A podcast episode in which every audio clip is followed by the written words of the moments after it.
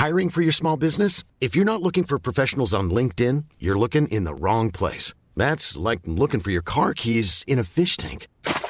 LinkedIn helps you hire professionals you can't find anywhere else, even those who aren't actively searching for a new job but might be open to the perfect role. In a given month, over 70% of LinkedIn users don't even visit other leading job sites. So start looking in the right place. With LinkedIn, you can hire professionals like a professional. Post your free job on linkedin.com slash people today.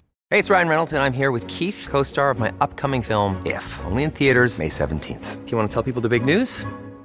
All right, I'll do it. Sign up now and you'll get unlimited for $15 a month in six months of Paramount Plus Essential Plan on us. Mintmobile.com slash switch. Upfront payment of $45 equivalent to $15 per month. Unlimited over 40 gigabytes per month. Face lower speeds. Videos at 480p. Active Mint customers by 531.24 get six months of Paramount Plus Essential Plan. Auto renews after six months. Offer ends May 31st, 2024. Separate Paramount Plus registration required. Terms and conditions apply if rated PG. Skulle du vilja veta hur man med små ansträngningar och i olika sammanhang gör ett bra första intryck? Då kommer du gilla dagens avsnitt där du får tre verktyg som du kommer ha glädje av i alla dina möten, oavsett om det är professionellt eller privat. Och har du en ganska välbärgad kompis som föreslår att ni ska göra saker som du inte har råd med? Som att splitta notan när du knappt beställt något alls. Att inte ha pengar ska aldrig vara något skamset, utan du ska kunna sätta gränser och hålla ryggen rak på samma gång. Allt det här och mycket mer i dagens Snacka snyggt med mig, Elaine Eksvärd och producent Camilla Samek. Välkommen! Det här är Snacka snyggt. I veckans retorikutmaning ska jag berätta om varför det finns ett uttryck som heter first impression last och varför det är så viktigt. Det här med första intrycket, det är något man behöver sätta rätt snabbt för att få den där smidiga fortsättningen. Det första intrycket, det stannar ju kvar länge. Det finns till exempel personer som fått en dålig början på en jobbrelation och som sen aldrig riktigt kom överens på grund av den där dåliga starten. Starten är på många sätt avgörande. Och det finns psykologiska förklaringar till varför. Och det beror på något som jag nämnt förut som heter halo-effekten. Haloeffekten innebär att en person som gör ett gott intryck och som vi tycker ser trevlig ut också uppfattas som snäll, generös och bra på andra sätt. Det första intrycket överskuggar eller förgyller det senare intrycket och vice versa. Är du otrevlig så kommer lyssnaren också att dra ofördelaktiga slutsatser om dig och din presentation. Ja, till och med ditt budskap. Så hur gör man då för att få en fördelaktig haloeffekt? Jo, det är tre känslor som du ska ha som mål för att uppnå en positiv halo-effekt, men också saker du kan göra för att nå det. Men beroende på situation behöver du inte uppnå alla, men det är tre pelare att ha med sig i bakfickan i alla sammanhang. Nu ska du få dem. Välvilja. Folk ska tycka om dig. Och vad är det då vi tycker om hos folk? Ja, det här blir en liten varning för självklara grejer. Men när det väl gäller och när det är viktigt så har vi tyvärr tendenser att tappa de här trevliga beteendena som gör att folk tycker om oss. Som att ha ögonkontakt, memorera personens namn efter första gången hen har sagt det. Upprepa personens namn lagom mycket under samtalet. Berömma och hålla med om något som personen sa. Nicka under tiden personen pratar. Komma i tid. Spegla personens kroppsspråk med några sekunders efterdröjning. Sen, utöver trevliga saker att göra för att få andra att tycka om dig, så ska du vara dig själv. Studier visar att vi tycker om och känner oss bekväma med autentiska personer. En person som däremot spelar en roll brukar till slut avslöja sig själv med att anstränga sig för mycket och därför känns det ju inte riktigt autentiskt. Så hur klyschigt den låter, så försök att vara dig själv, även i för dig krystade situationer. Alla ska försöka vara sig själva. Ja, alltså förutom de dumma. De kan försöka vara snälla. Nyfikenhet. Jag har många gånger pratat om att väcka nyfikenhet. Men eftersom syftet i det här avsnittet är att sätta första intrycket så ska du vara nyfiken på personen du pratar med. Det får henne att känna sig värdefull och speciell. Men stanna inte bara där, utan gör tvärt emot de som tråkar ut personer med ämnen som de själva vill prata om till att luska ut vilka ämnen som väcker andras nyfikenhet. Då gillar man dig, för du vet precis vad som är intressanta samtal. Och intressanta samtal, det är naturkatastrofer, hornspindlars efterspel efter parning, inredning, afrobeat. Är det så? Nej, men det är det för mig. Och det ska den som vill sätta första intrycket hos mig lista ut. Men hur gör man för att få veta det då? Ja, men det är busenkelt. Alltså, det är bara att tillämpa sån här äh, tankeläsning. Nej, men jag skojar. men, men det är en sån himla bra fråga, för grejen är den, hur tusan ska man veta vad folk tycker om att prata om? Och det man kan göra, det är att faktiskt gå in på de här ganska basic ämnena som kanske känns lite, jag vet inte, tråkiga och platta, men som ändå kan ge dig hintar om vad personen tycker om för någonting.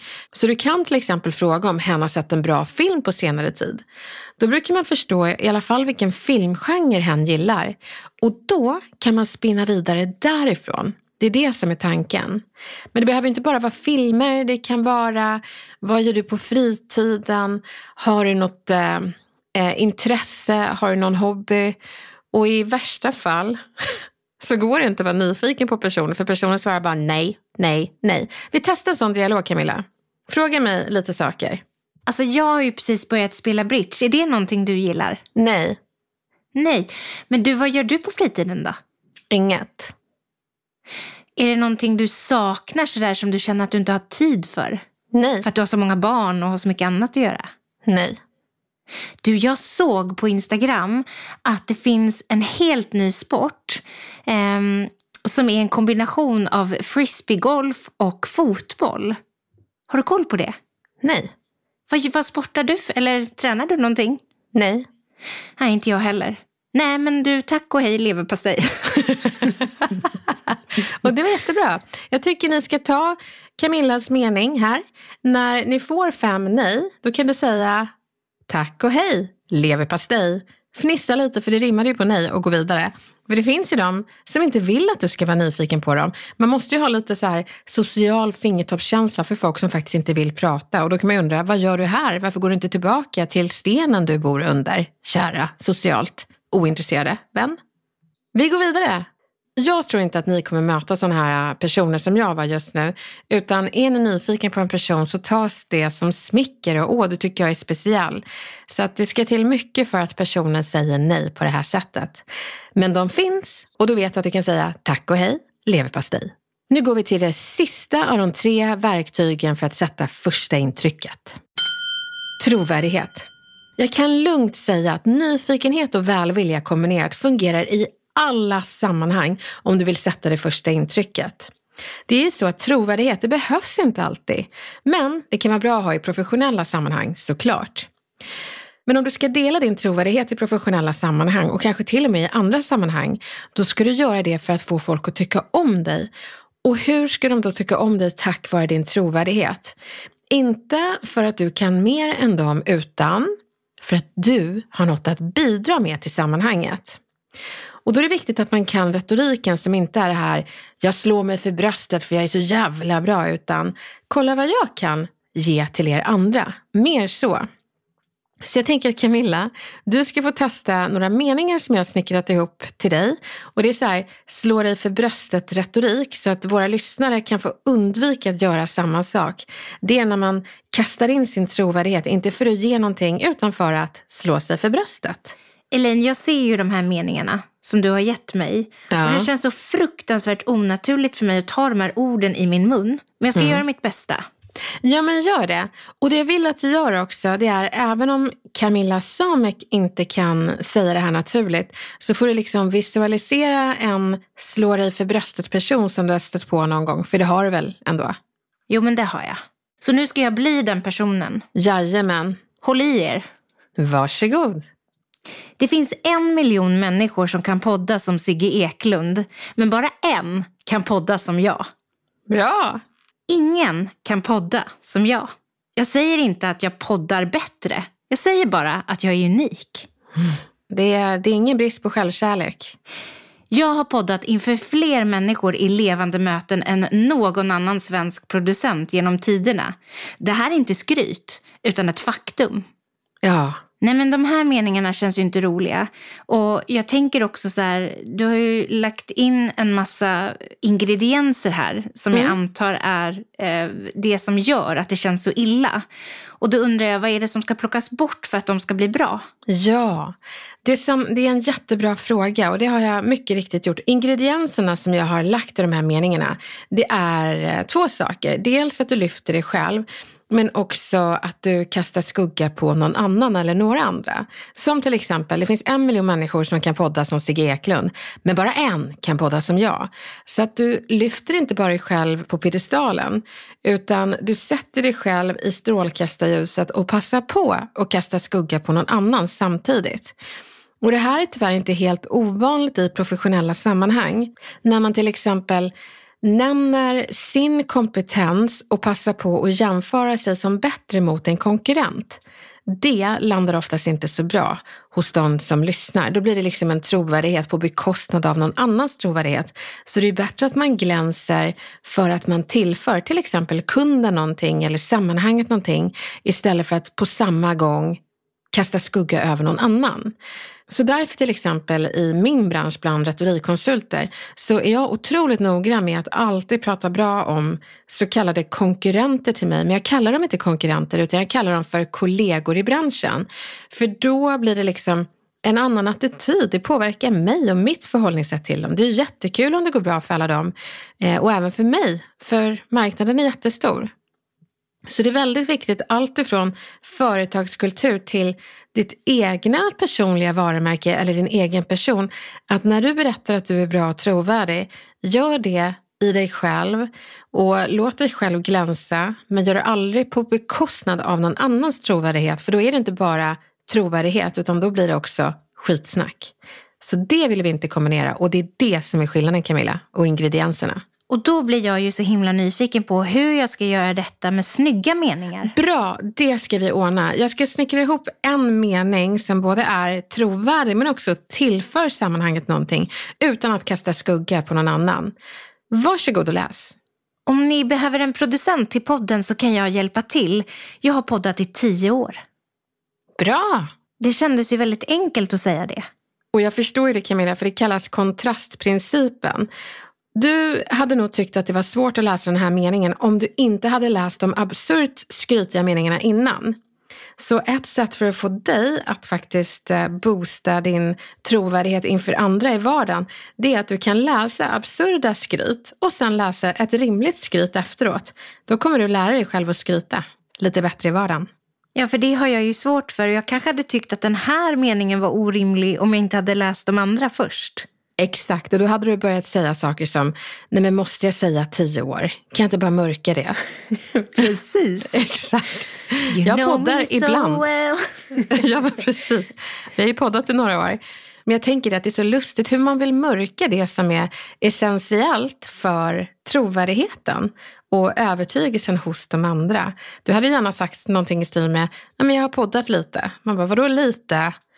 Så det är bra att du har mig som skrytkompis. Du får ta med mig när du ska skryta. Ja, jag har dig i bakfickan. Det är oerhört lyxigt. Ja, men vad härligt att höra. Och ni lyssnare har ju också mig i bakfickan. Och det är så enkelt för det handlar om att den enda trovärdigheten du ska dela för att sätta första intrycket, det är den trovärdigheten som tillför sammanhanget något.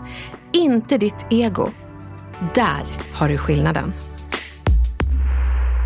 Så kära poddkompis, för att sätta det där första intrycket så har alltid olika varianter av välvilja, nyfikenhet och trovärdighet.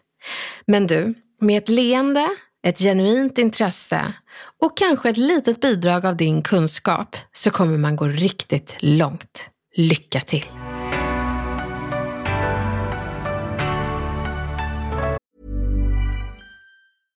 Hiring for your small business? If you're not looking for professionals on LinkedIn, you're looking in the wrong place. That's like looking for your car keys in a fish tank. LinkedIn helps you hire professionals you can't find anywhere else, even those who aren't actively searching for a new job but might be open to the perfect role. In a given month, over 70% of LinkedIn users don't even visit other leading job sites. So start looking in the right place. With LinkedIn, you can hire professionals like a professional. Post your free job on linkedin.com slash people today. Burrow's furniture is built for the way you live. From ensuring easy assembly and disassembly to honoring highly requested new colors for their award-winning seating, they always have their customers in mind. Their modular seating is made out of durable materials to last and grow with you. And with Burrow, you always get fast, free shipping. Get up to 60% off during Burrow's Memorial Day sale at burrow.com slash ACAST. That's burrow.com slash ACAST. burrow.com slash ACAST.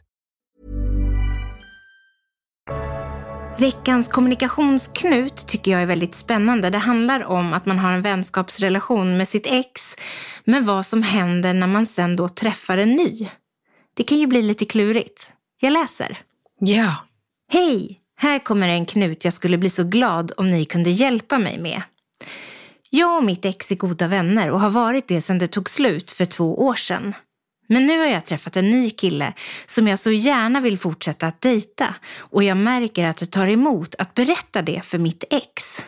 Inte för att jag är kär i honom, utan för att jag är rädd att vår relation kommer att förändras och ta skada av det här nya som händer i mitt liv. Hur lägger jag fram detta för honom på ett bra sätt? Jag förstår verkligen att det här kan kännas jobbigt, men samtidigt så behöver det inte bli det och jag ska förklara varför. När man tänker på den här situationen som ni har så är ju du och ditt ex goda vänner. Och ni har ju varit det i hela två år. Och det är ju fantastiskt. Alltså, bara att vara vän med sitt ex efter det har tagit slut.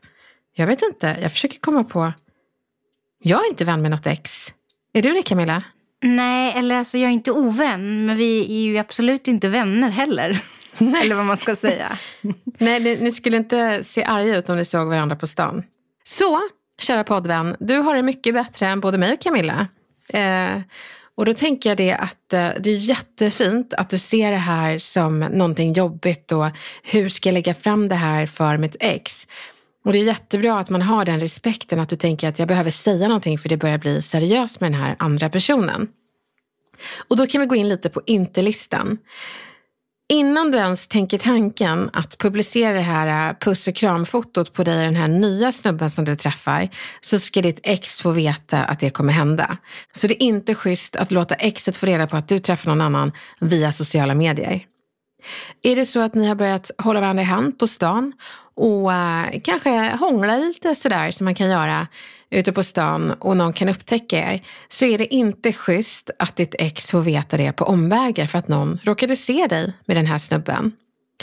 Har ni gemensamma vänner och du har berättat det för någon som ni båda känner så är det heller inte schysst att exet får reda på det av någon annan.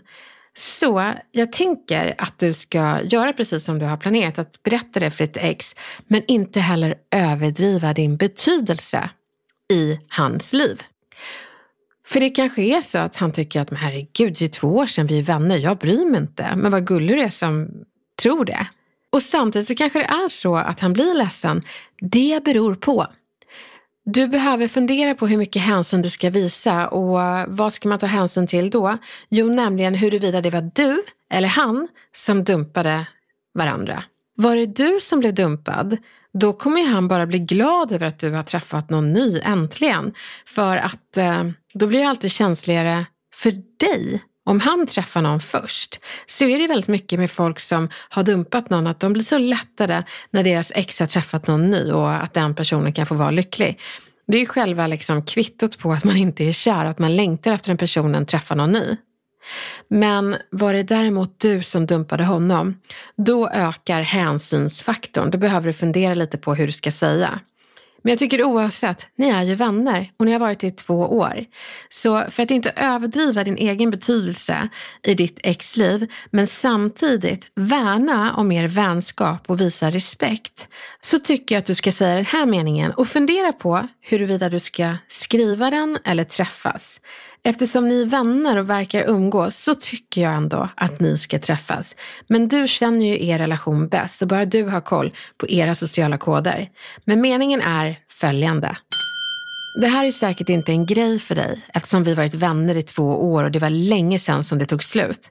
Men jag vill ändå förekomma och framförallt visa hänsyn till dig och vår vänskap med att berätta att jag har börjat dejta en person och det börjar bli seriöst. Jag ville bara att du skulle höra det från mig först. Kärlek är ju inte svart eller vit, det finns ju gråskalor. Och man har ingen aning om vart man själv är eller vad den andra är. Och därför är det fint att faktiskt förekomma och alltid försöka visa respekt. Ja, och hon skriver ju här i kommunikationsknuten att hon är rädd att deras relation kommer att förändras och att den kommer ta skada av det här nya som händer i hennes liv. Ja, och det är inte så konstigt för jag tänker wow, vilka hopp de har tagit i sitt förhållningssätt till varandra. Från att ha varit nykära, jättekära, eh, på väg att ta slut. Det tar slut, de blir vänner och är i två år. Och så ska man liksom skifta om till att vara medveten om att hon ska hångla med någon annan. Han har ändå haft två års tid att bearbeta att det är slut, men jag tror också att det behövs en bearbetning och förstå att hon är intim och kär i någon annan. Så allt det där är ju relativt och det får man se. Men den här meningen och att hon faktiskt berättar för honom på ett schysst sätt, det kommer i alla fall bädda för en, en chans för att det här ska gå riktigt bra. Ja, och för att inte överdriva sin betydelse också och kanske tillämpa lite kontrastprincipen så kan jag ge en annan värre mening. Samma version av den här meningen med lite slå dig för bröstet och överdriva din betydelse i ditt exliv. Att man kanske säger någonting i stil med jag är säker på att det här är en jättestor grej för dig eftersom du och jag har varit vänner i två år. Och det var förvisso länge sedan det tog slut. Men jag är ju en väldigt speciell person för dig, det har jag förstått och jag vet att du älskar mig. Så därför vill jag visa hänsyn till dig och vår vänskap genom att berätta att jag börjar dejta en person och det börjar bli seriöst. Så jag förstår att du är ledsen nu. Den är inte bra. Nej. Då utgår man ju från att ens ex som man är vän med fortfarande är kär i en och att hen kommer bryta ihop. Det är bättre att man lämnar det lite öppet med inledningen. Det här är säkert inte en grej för dig. Och sen fortsättningen, men jag vill ändå visa hänsyn till dig och vår vänskap. Och avslutningen, respekten i meningen, jag ville bara att du skulle höra det från mig. Då är det inte social media, det är inte gemensamma bekanta och det är inte heller att någon har sett dig på stan och han har fått höra det bara från någon random person, utan det är från dig. Och det kan man aldrig klandra någon för. Så en jättebra fråga och jag hoppas att du känner att du har en jättebra mening att använda för att fortsätta värna er relation. Och du, lycka till med den nya som du börjar bli seriös med. Gud vad härligt. Tack snälla för din fråga.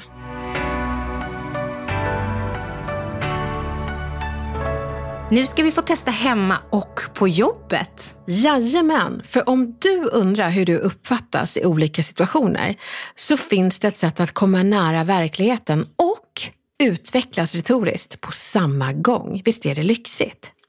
Så det ena är att du ska be en kollega att filma dig nästa gång du håller en presentation eller kanske håller ett möte. Men det är väldigt viktigt att kollegan får gärna filma dig diskret så varken du eller sammanhanget märker det eller störs av det. Sen efteråt så kan du i lugn och ro och själv Titta på presentationen eller mötet du höll i och vara din egen retorikexpert och kika på vad som var bra och vad du kan utveckla till nästa möte eller presentation. Du förstår, att se dig själv i en retorisk situation är otroligt utvecklande. Jag kan nästan tycka synd om de här gamla grekerna, Aristoteles, Sokrates och gänget som uppfann retorik, men som i det antika Grekland av naturliga skäl aldrig fick uppleva sin egen retoriska förmåga och ge sig själva feedback. De fick ju nöja sig med feedback från de andra, men det är ju inte heller dumt och det tycker jag du också ska göra. Be den där kollegan att inte bara filma dig utan också ge sin feedback utifrån hens betraktelse. Det kan du alltid växa av. Nu undrar jag, det kanske är en superdum fråga, men fanns det speglar i det antika Grekland? För jag bara ser framför mig hur Aristoteles står och speglar sig själv medan han talar. Alltså det är så roligt att du frågar det för att jag vågar inte ställa den frågan. jag tänkte den. Och så började jag så här, hur såg de sig själva?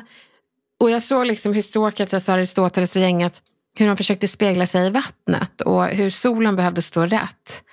Eh, för jag vet att Demosthenes, han försökte öva sin röst mot havets brus och sen så hade han kiselstenar i munnen under tiden. Jag skrattade men det var en jättebra metod då. Men nu ska vi se här, nu måste jag se, vem uppfatt, nu ska jag kolla här. Vem uppfann den första spegeln? Du? Nu ska jag googla det, för det, behöver, det här behöver vi veta.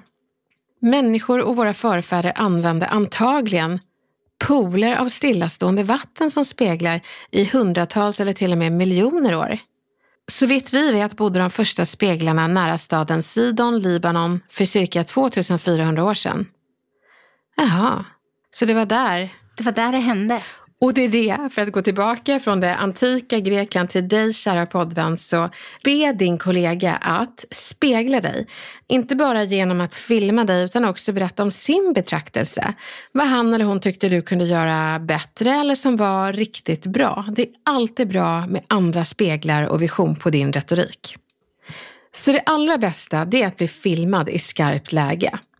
Det näst bästa du kan göra, som inte är dumt alls, det är att fråga en familjemedlem eller kanske kompis om hen kan filma dig inför ett anförande du har snart.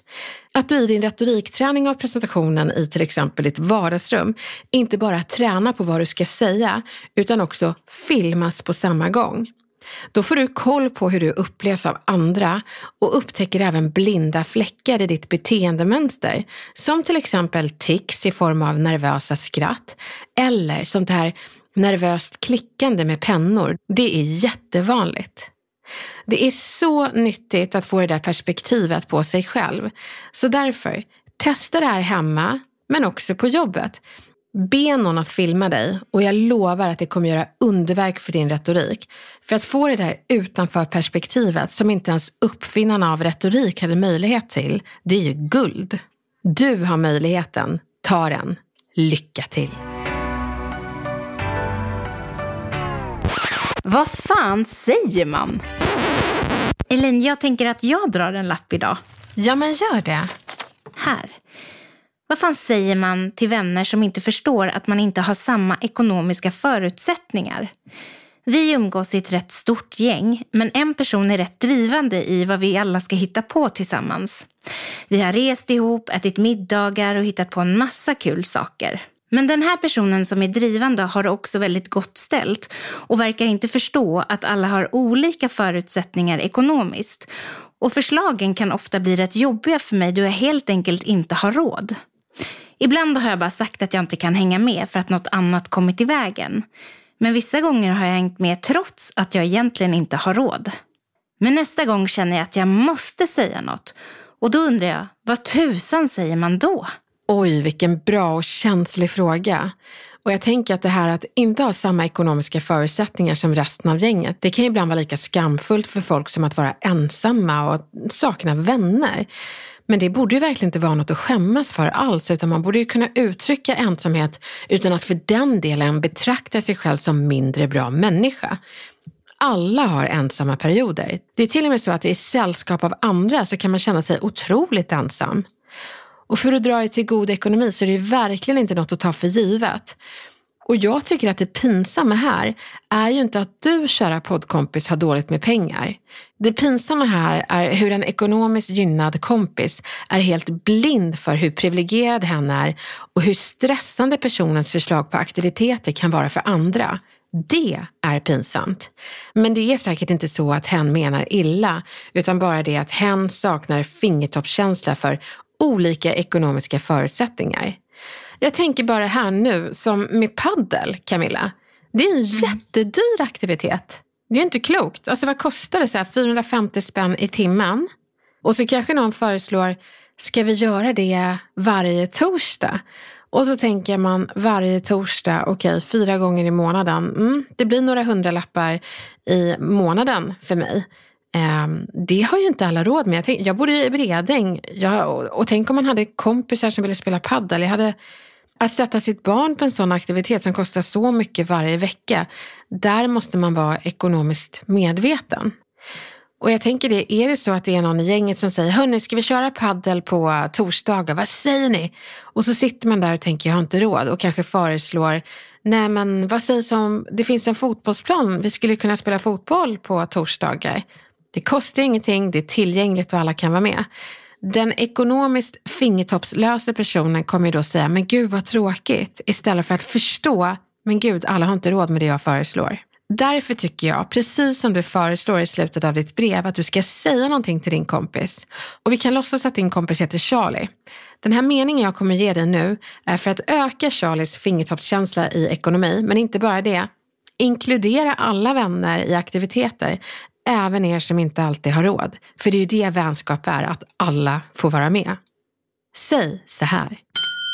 Charlie, jag tror inte alltid du tänker på hur ekonomiskt överlägsen du är många av oss andra i gänget. Dina förslag på en helgaktivitet är liksom vad jag har på mitt sparkonto efter två år. Det blir liksom som att man känner sig antingen tråkig som vill degradera aktiviteterna till något som är billigare, men också såklart tråkigare än dina förslag. Och när ditt röstas fram så är vi några stycken som aldrig kan vara med. Jag tror inte att du tänker på det, men ska vi umgås som ett gäng vänner så är det ganska vänskapligt att föreslå saker som alla kan vara med på och faktiskt har råd med. Så säg det vid sidan om och mellan fyra ögon, inte bland alla andra. Du behöver förstå att din Charlie har inte koll på vad hen sänder ut. Det kommer gå jättebra. Det är så bra att du bara har identifierat problemet och inte tar med dig skammen eller den dåliga magkänslan hem, utan du ser vad som är fel och nu har en mening som kan göra det rätt. Men ni andra som lyssnar och känner att ni faktiskt har samma ekonomiska förutsättningar som Charlie, men har sett att andra gänget skruvar på sig när de här förslagen kommer in från då er Charlie. Då är det viktigt att ni säger någonting, för det handlar inte bara om aktiviteter som paddel eller en weekendresa till, vad vet jag, Paris, utan också situationer som när man sitter på en restaurang och den ekonomiskt gynnade har beställt hummer, champagne, fördrink, trerätters och den ekonomiskt stressade nöjde sig med en förrätt och en läsk för att överhuvudtaget kunna vara med på den där dyra restaurangen som föreslogs av Charlie. Att då den här Charlie säger Hörni, vi splittar väl notan? Är verkligen att sakna ekonomisk känsla för andras ansträngda ekonomi. Så jag vill att du som är ekonomiskt gynnad, precis som er Charlie, men ser att andra skruvar på sig, säg någonting. Säg att, nej men vet du Charlie, vi splittar inte notan för att du och jag, vi har beställt mycket mer än många andra här, så vi kollar på notan. Och du som skruvar på dig, du kan faktiskt säga två varianter. Dels kan du lära Charlie att ni beställer ganska olika och då kan du vara detaljerad i din mening och säga ganska lättsamt så här. Charlie, vi splittar inte notan för trots att din hummer, tre drinkar, tre rätter och champagnen såg väldigt god ut så vill inte jag betala för det när det ligger en Cola Zero och en sallad i min mage. Men hoppas det var gott. Du behöver inte återge allt som Charlie och ditt gäng tog, men avstå från att dela och berätta vad du åt och drack till skillnad från de andra som motivation till det. Så det är den andra saken du kan säga. Det är bara att du säger Charlie, vi splittar inte notan för du beställde mer än mig. Jag har bara ätit sallad och cola. Så nu kollar vi på notan. Så enkelt, där har du de två alternativen. Och framförallt så ska du inte skämmas. Jag hoppas verkligen att alla ni som har ekonomiskt ansträngd ekonomi och en Charlie i ert gäng, att ni vågar uppmärksamma personer på hur ni känner. Det kommer göra hela skillnaden. Och jag hoppas också att ni vet att ni är inte ensamma och ni ska inte skämmas. Och sen till dig kära poddkompis, tack för att du delade den här frågan som är så känslig men också så viktig. Jag tror att det är många Charlies som lyssnar som inser ett och annat och många andra som känner att gud, jag behöver säga någonting för är vi vänner så ska det inte kosta mer än vad jag har råd med. Vänner kräver bara en sak och det är gemenskap. Tack för att du delade och lycka till! Jag hoppas nu att du känner dig taggad för att sätta det där första intrycket i alla sammanhang. Det kan ju låta som självklarheter, men när vi behöver det som mest, i nervösa och kanske stela situationer, har du som mest glädje av verktygen som du fick idag. Använd dem flitigt och du kommer sätta det där första goda intrycket. Och så kan ni alla tipsa er välbärgade vän om lite ekonomisk medvetenhet. Det är inte taskigt att uppmana om det, utan det är snällt att hjälpa kompisen att föreslå aktiviteter som alla har råd med. Varmt lycka till, så hörs vi snart igen.